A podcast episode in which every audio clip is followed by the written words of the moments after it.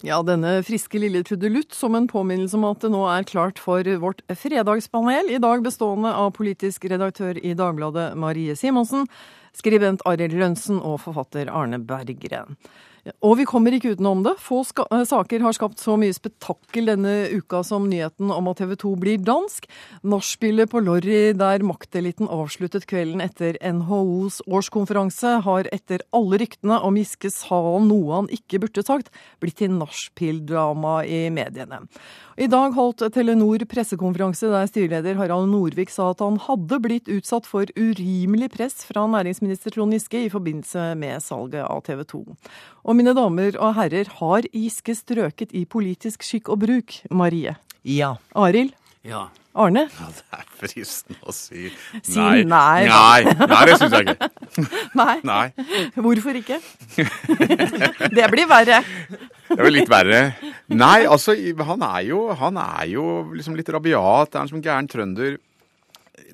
Altså Bare for å tenke tanken, da. Leke med tanken om at han har en plan. At, at, han, at, han, har, at han om to år forklarer hvordan han ble statsminister.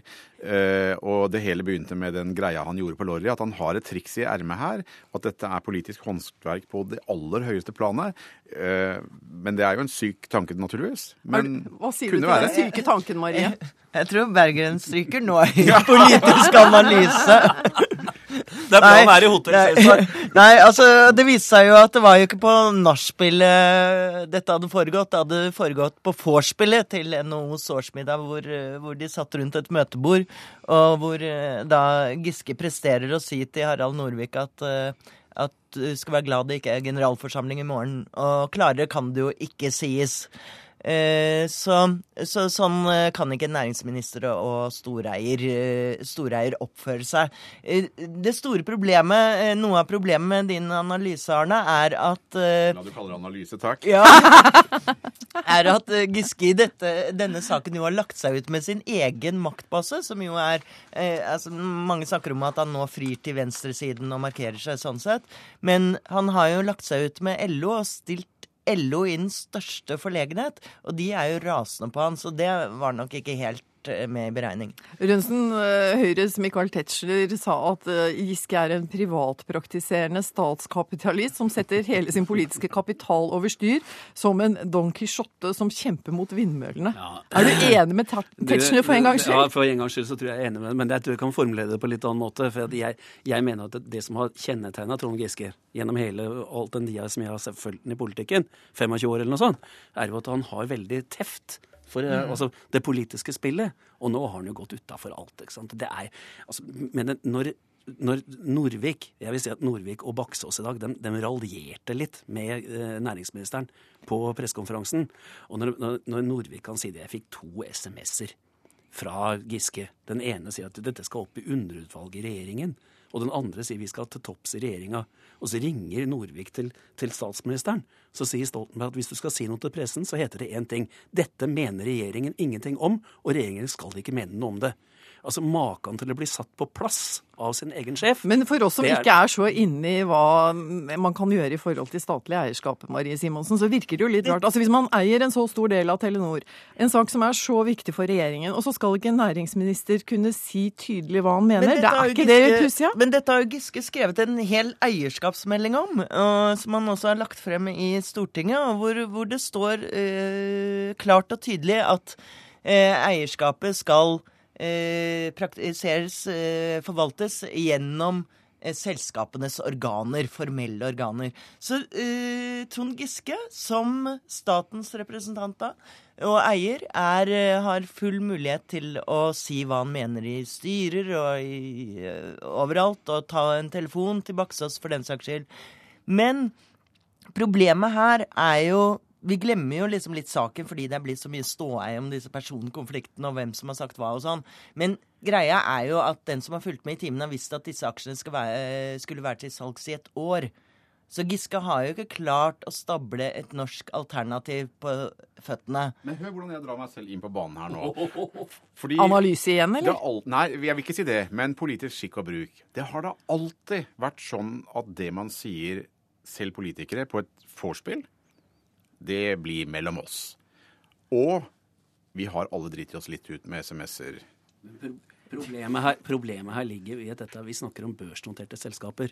Og der har både statsministeren og næringsministeren har sagt at det er opp til styrelederen, opp til styret, å bestemme dette. Og da kan ikke næringsministeren begynne å sende SMS-er om at jeg skal bestemme. Nei, det- Sånn, er, det, er, veld, det er veldig enkel, politikk. Men om han nå ikke sa dette på dette nachspielet som det har vært snakket så mye om Altså Når hele den norske makteliten står og sladrer om hva som kan ha vært sagt en sen kveld på Lorry, og Knut Arild Hareide sier at han, man driver ikke næringspolitikk på, på nachspiel, og Høyre.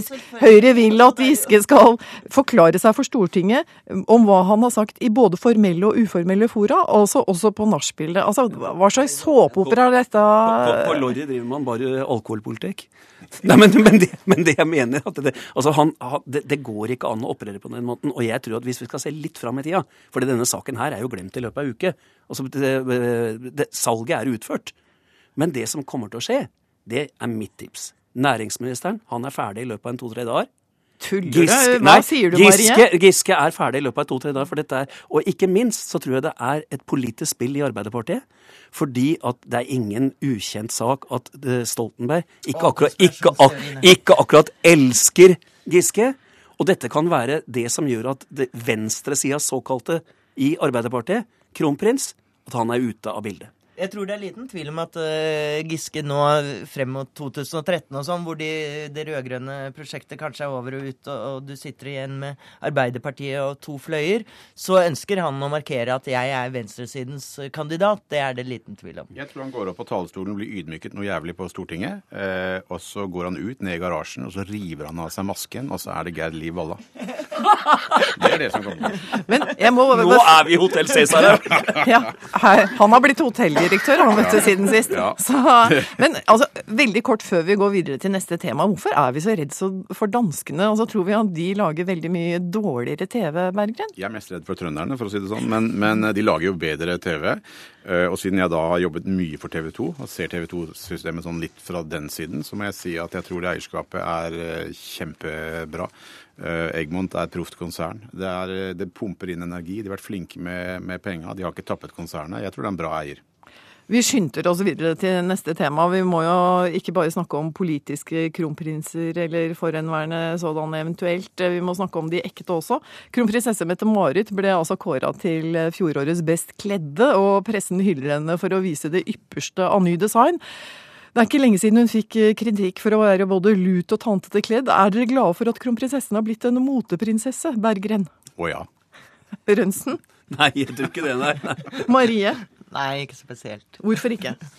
um, jeg har jo skrevet en kommentar om dette som har vakt en viss oppmerksomhet. Men uh, mitt poeng er at jeg syns at det er en ganske stor avstand mellom den veldedigheten som kronprinsparet legger opp til at skal være deres store prosjekt, at de skal hjelpe fattige og vanskeligstilte ungdom og sånn, og så om kvelden gå ut i Valentino designerkjoler til 70 000 og armbånd til en halv million osv. Og Eh, og jeg stiller liksom litt spørsmål med hvor langt man kan strekke denne dobbeltmoralen, som jeg vil kalle det, når Mette-Marit eh, Det var vel bare et år siden hvor hun snakket om at det norske folk trenger mer pietisme.